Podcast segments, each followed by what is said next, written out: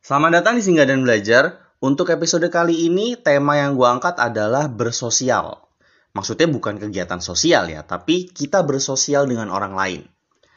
Kenapa gue ambil tema ini? Soalnya kan ketika gue lagi ngerekam ini, pandemi tuh udah berjalan gitu.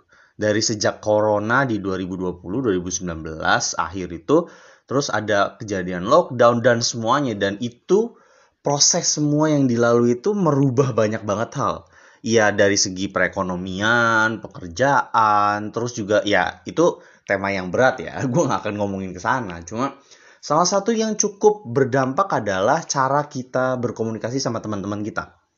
Ya wajar dong, karena efek lockdown akhirnya lo memutuskan untuk di rumah aja, lo nggak bisa ketemu siapa pun. Akhirnya lo mulai dan wajib atau terpaksa banget harus banget komunikasi lewat uh, virtual ya mungkin sekedar chat, mungkin sekedar telepon atau akhirnya ya lu nongkrong sama-sama di video call gitu.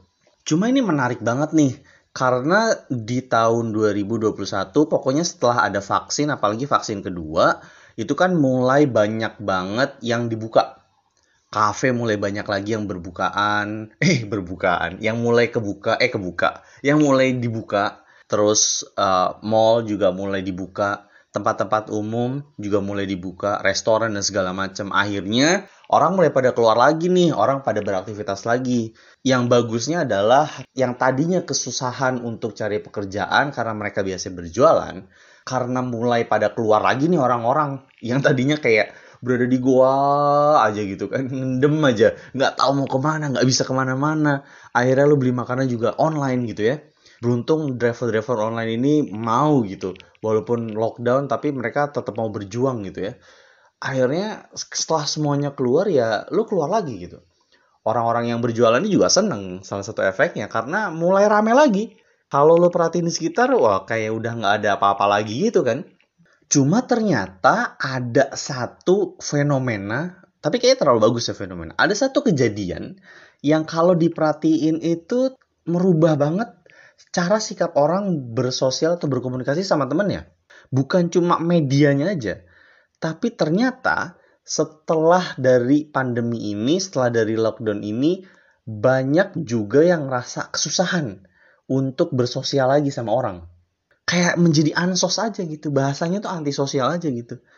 Kayak males aja ketemu orang, parno dan segala macem. Jadi nggak tahu gimana caranya ya. Kalau pas nanti ketemu sama temen lo, terus lo tatapan langsung gitu ya gimana cara bersosial gitu. Ya mungkin ada lo dan gue juga yakin banyak juga yang ngerasa gue udah kangen banget sih nongkrong di cafe itu. Gue udah kangen banget sih ketemu dan ngumpul-ngumpul bercanda bareng lagi sama teman-teman. I know I get it. Karena banyak banget yang udah kayak gitu. Gue juga termasuk yang eh pengen deh kayaknya bisa kumpul sama teman-teman gitu ya. Tapi di lain sisi itu ada juga orang-orang yang merasa menjadi ansos gara-gara lockdown kayak males untuk diajak ketemu, nggak tahu harus bersikap gimana ketika lagi ketemu tuh ada. Dan gue nggak tahu ya lo tim yang mana. Kalau lo tim yang kayaknya lebih suka, pokoknya begitu bisa keluar, gue akan keluar gitu ya. Selama udah vaksin dua, gue akan keluar gitu. Bodoh amat gitu ya. Ada yang kayak gitu. Ada yang parno nih. Parnonya bukan cuma gimana caranya bersosial sama teman-teman lo, bersikap ketika ketemu lagi akhirnya sama teman-teman lo tapi juga memilih tempatnya itu juga sangat krusial. Krusial karena Parno.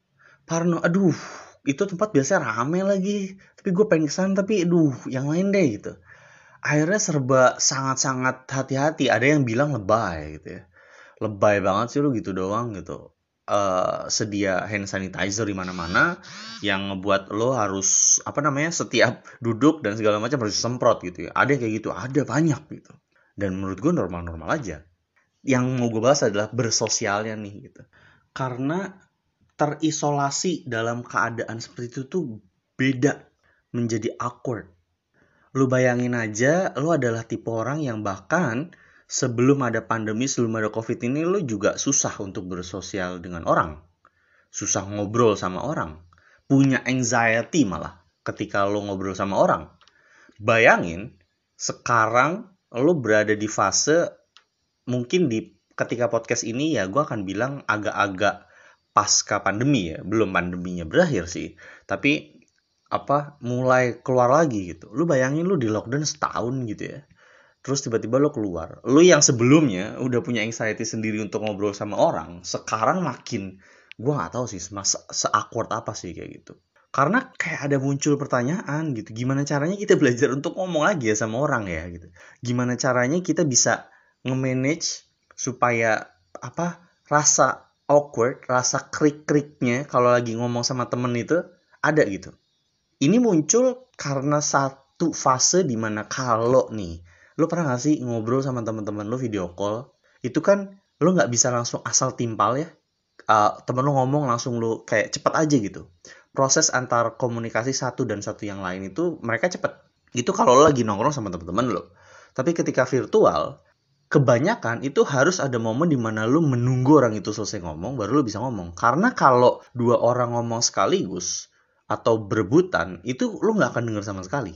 Beda ketika lu lagi nongkrong. Ketika lu lagi nongkrong, ada satu orang ngomong, dia belum selesai, ada satu orang nimpalin, lu bisa nangkep dua-duanya. Ini salah satu fenomena menurut gua gitu. Karena ya it happens, mungkin nggak terjadi ke lo, tapi kejadian di orang. Akhirnya akan ada momen krik-kriknya. Lu nungguin, ya gimana sih rasanya ketika lu biasa, wah berisik rame dan segala macem tapi ketika lo akhirnya mulai terbiasa dengan virtual, terbiasa untuk menunggu orang lain ngomong, lo jadi ngerasa klik-klik, diam gitu. Semua orang akhirnya diam kayak, kok nggak rame ya? Gimana caranya nih biar nggak awkward lagi nih gitu. Dan tanpa lo sadarin, orang-orang yang suka nongkrong, mungkin termasuk lo yang mendengarkan ini, lo tuh adalah tipe yang suka nongkrong, apalagi lo adalah tipe yang rame. Perhatiin deh, pasti akan ada satu orang yang jago banget nge-manage atau memecah keheningan atau kekrikan ketika lagi nongkrong.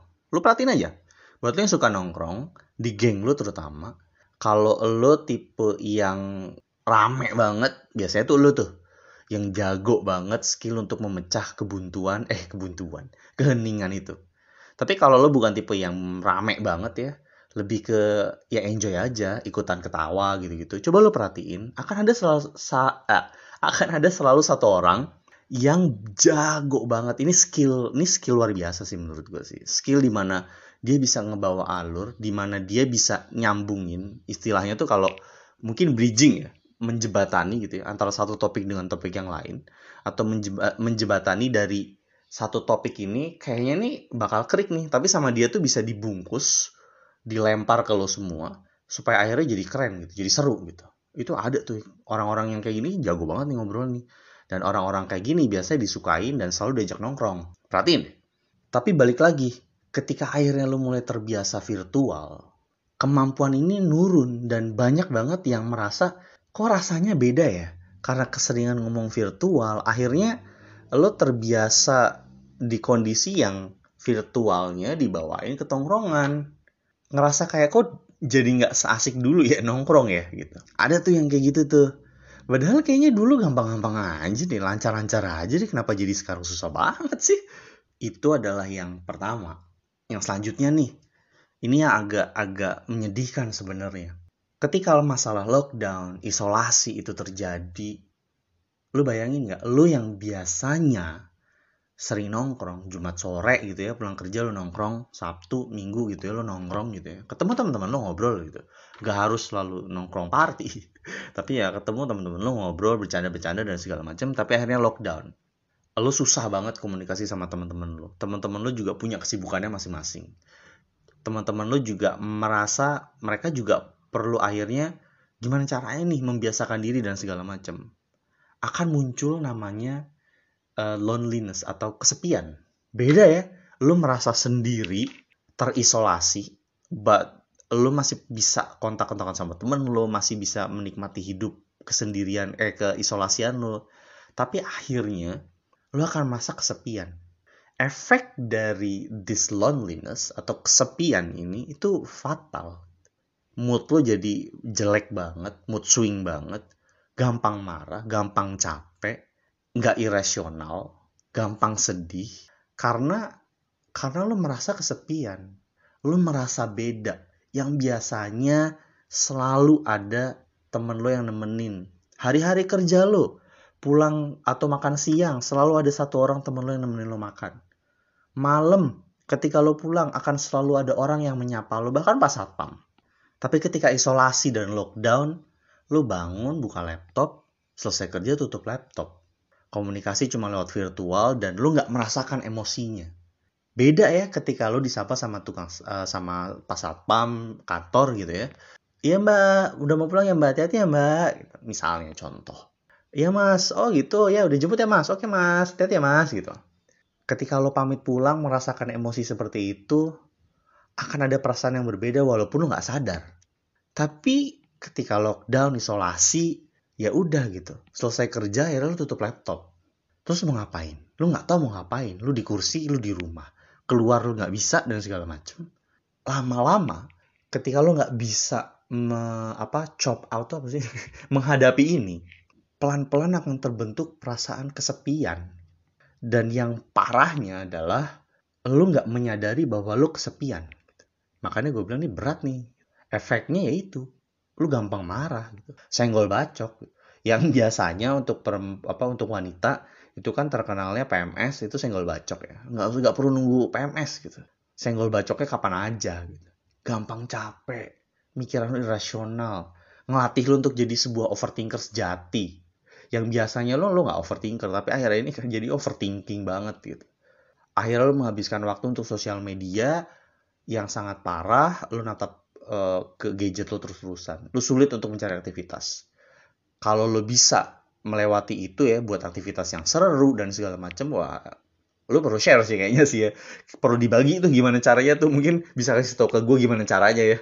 Ketika semua isolasi itu akhirnya mulai dibuka lagi, ada namanya keanehan atau awkwardness social apa awkwardness gitu klik lah yang lo gak tahu gimana caranya harus bersikap. You don't know how to behave. Lo nggak bisa ber apa nggak bisa ngerti body language orang itu jadinya gimana ya? Karena ya lu bayangin gitu setahun lu terbiasa dengan melihat gadget ya lu kalau virtual yang lu lihat kan paling leher ke muka kan agak jarang sih sebenarnya yang itu kan jauh ya harus pakai lo harus pakai earphone eh enggak harus pakai wireless uh, earphone TWS AirPod lo baru bisa ngelihat full body tapi lo gak akan bisa fully ngelihat body language-nya. Karena gue yakin banget dan ada yang ngasih tau ke gue ketika lo ngobrol langsung secara tanpa sadar lo tuh memperhatikan body language teman lo yang lagi ngobrol tuh yang lagi ngomong tuh. Dan itulah yang menarik lo lihat deh orang-orang yang seru banget di tongkrongan body language-nya tuh asik banget dilihat. Dan lu sangat menikmati itu. Tapi ketika satu tahun lo terisolasi, lu nggak tahu gue harus behave kayak gimana. Terus juga yang tadi ya, rasa kesepian yang terbentuk bahkan ketika lo nggak sadar, ngebuat tuh jadi oversensitif banget gitu. Sensian bahasanya. Padahal mah lo dulu nggak sensian di tongkrongan, tapi gara-gara isolasi dan lockdown tuh lo jadi sensian banget. Itu kerasa sih dan nggak cuma sensian tapi overreacting. Ya jadinya uh, lu lebay. Udah lu sensian respon lu lebay. Iya kan? Terus dari situ juga lu suka melakukan hal yang nggak inappropriate lah. Atau mungkin kayak lu ngapain sih cerita-cerita hal kayak gitu? Itu kan inappropriate ya. Uh, oversharing atau kayak berlebihan lu dalam cerita. Lebay tetap tapi dalam bentuk conversation conversation obrolan gitu kenapa dia tiba-tiba kayak gini sih? Apa gara-gara lockdown terus dia stres akhirnya semua semua yang nggak jelas bahkan diceritain yang nggak perlu sebenarnya diceritain dan segala macam gitu ya keluar semua gitu ya. Mungkin nggak mungkin aja kenapa? Karena posisinya bukan cuma kesepian loneliness tapi juga kayak numpuk gitu. lu yang biasanya cerita curhat sama temen lo ngobrol dari A sampai Z semuanya ketahan di otak lo ketika udah ngumpul semuanya tumpah gitu aja. Padahal dulu lo adalah orang yang paling pintar untuk memilah oh sama dia nih gue ceritanya A sampai J aja. Karena sisanya itu bukan di tongkrongan ini. Ada yang kayak gitu. Dan banyak banget yang jago. Perhatiin aja. Terus yang paling kerasa nih. Yang paling kerasa yang gue baca, yang gue perhatiin. Interpretasi yang salah. Dengan cara bersikap orang lain. Lo lupa. Yang tadi gue bilang ya, merhatiin body language. Lu jadi nggak sejago dulu ngebaca body language teman-teman lo yang lagi nongkrong. Akhirnya justru lu salah gagal paham tuh. maksud dia kayak gimana tapi ternyata maunya kayak gimana gitu itu bisa aja ngerasa bahwa kayaknya kayak misalnya nih akhirnya kebuka nih udah apa udah tiga mingguan sebulan lu udah ngajak temen lu nggak mau mau karena sibuk. Bisa aja. Tiba-tiba lu mikir kayak dia udah nggak suka sama gue deh. Diajak nongkrong nggak pernah mau. Padahal biasanya mau. Padahal mah nggak kayak gitu.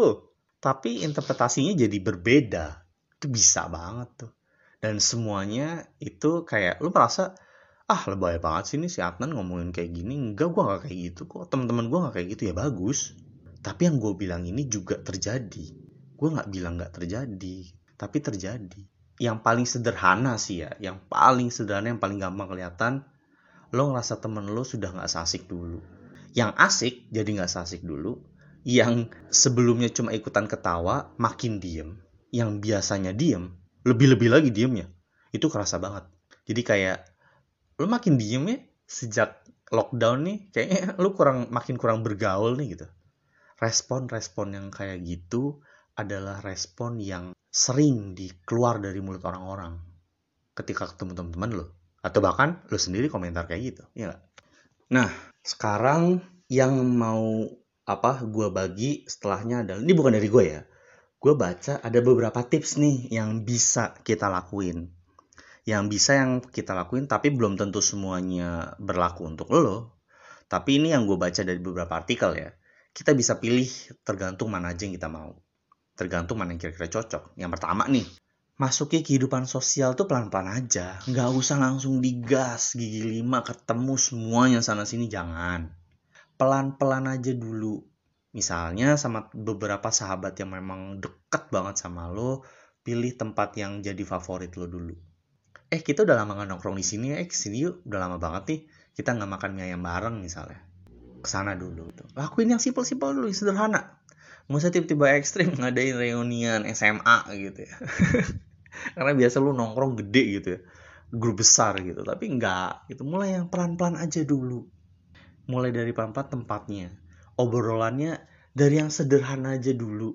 Dari yang lo dan sahabat lo saling ngerti. Chemistry-nya udah kebangun nih sama teman-teman atau sahabat lo nih. Namanya sahabat kan biasa deket banget ya. Chemistry-nya udah ada. Pakai itu. Mulai dari situ dulu. Terbiasa ngebaca gestur. Gestur body, tangan, bibir, reaksi muka semuanya. Kayak terbiasa lagi aja dulu. Ibaratnya kalau kalau lo udah pernah bisa naik sepeda tapi bertahun-tahun lu lupa atau nggak pernah naik sepeda lagi tiba-tiba lu disuruh naik sepeda lagi itu kan perlu adaptasi pelan-pelan tuh supaya membangkitkan skill lo yang dulu ini tuh sama jadi pelan-pelan supaya membangkitkan rasa insting lo ngebaca body language gimana caranya supaya bisa seru lagi dan segala macem. Mengeluarkan kemampuan lo untuk ngejokes gitu ya. Karena gue tahu orang yang nongkrong itu banyak juga yang jago ngejokes di tongkrongannya. Itu membiasakan itu dulu. Karena beda loh.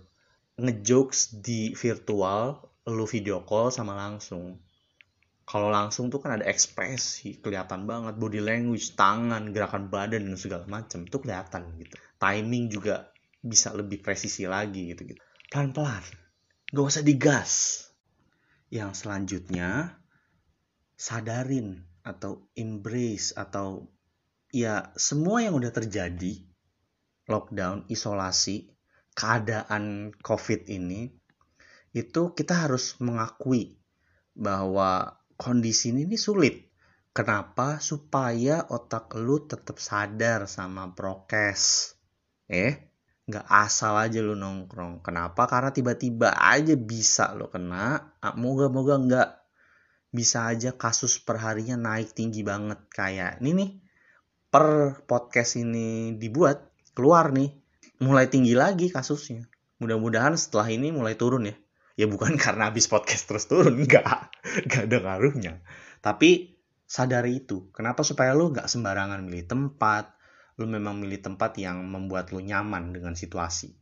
Bayangin ketika lo ngajak ketemu teman lo di tempat yang super rame ternyata teman lo berubah menjadi orang yang hati-hati banget pokoknya dalam milih tempat. Gimana nggak kasihan temen lo awkward banget pasti. Dianya cemas mukanya tuh udah panik banget itu. Bahaya tuh kayak gitu. Yang ada overthinking dan segala macem keringetan keringet dingin dan segala macem wah. Jadi sadari nih akui harus inget. Nah selanjutnya itu adalah stop dulu nih. HP lo dibalikin dulu. Biasanya ini biasanya nih. Kalau lo sadar ketika lo nongkrong teman-teman lo itu ya udah gitu. Dia nggak akan main HP kenapa? Karena asik tapi ketika lockdown isolasi semua orang bertransformasi dengan sosial medianya mulai banyak bikin video-video kreatif di TikTok, di Instagram Reels, Instagram Story, semuanya serba di story dan segala macam, diabadikan momennya. It's good. Itu adalah meningkatkan kreativitas, betul. Tapi untuk awal-awal memulai, buat apa tips yang gue baca nih, dan gue merasa ini kayaknya termasuk lumayan bagus nih gitu. Kalau lagi ngobrol sama temen lo yang baru ketemu lagi nih setelah sekian lama, tutup dulu tuh HP-nya nikmatin obrolannya. Nikmatin momennya. Rasain momen lu ngobrol sama temen lu karena tuh beda gitu. Membangkitkan apa ya keinginan lo tuh untuk bisa terus ngobrol. Baru setelah lu udah mulai muncul semua membangkitkan emosional dan segala macem keahlian lo membangun jokes membangun conversation per, apa percakapan baru tuh lu pengen bikin tiktokan bersama ya silahkan gitu.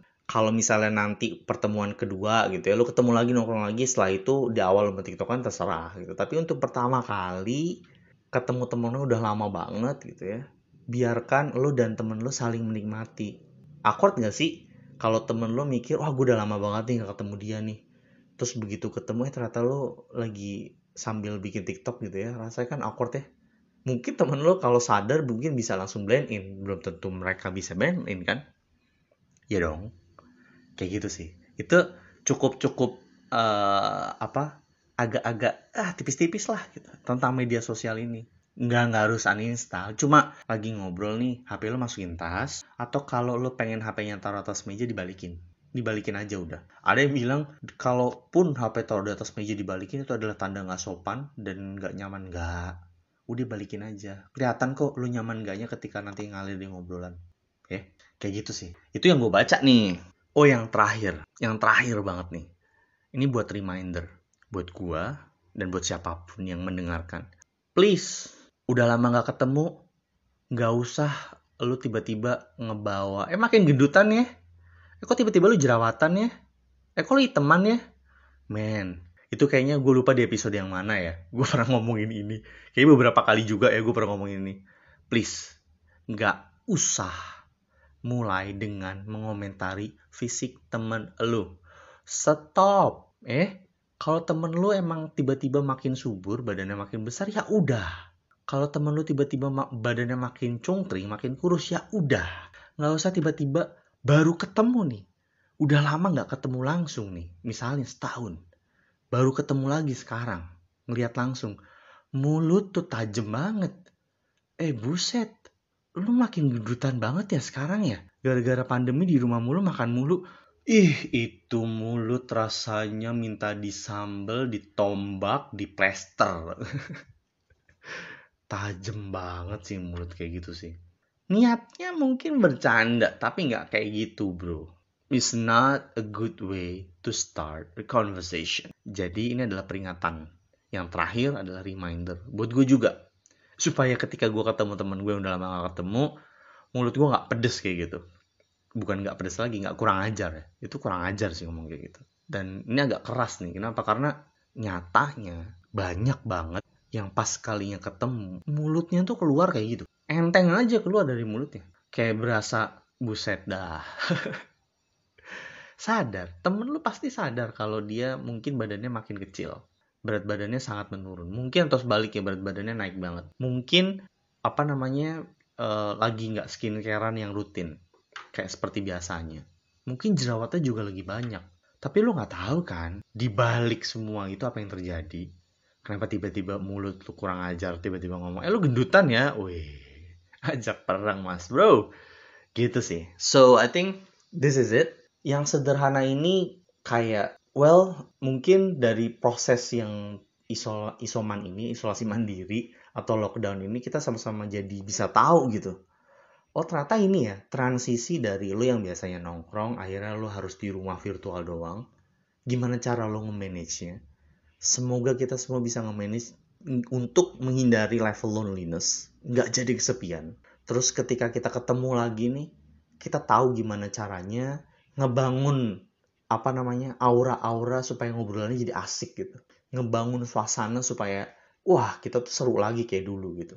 Karena semua proses ini itu adalah kita yang menjalani. Lo sebagai individu teman-teman lo sebagai individu semuanya menjalani proses yang sama melewati tahapan yang sama mungkin prosesnya yang berbeda udah masih beda sih tahapannya semua sama gitu ada yang tahapan lockdown dan segala macam dan kita nggak pernah tahu apa yang terjadi kan jadi dari proses ini akan bertambah lagi skill-skill kita. Bukan cuma masalah kita jadi kreatif harus berjualan apa, nambah pendapatan apa tambahan dari mana.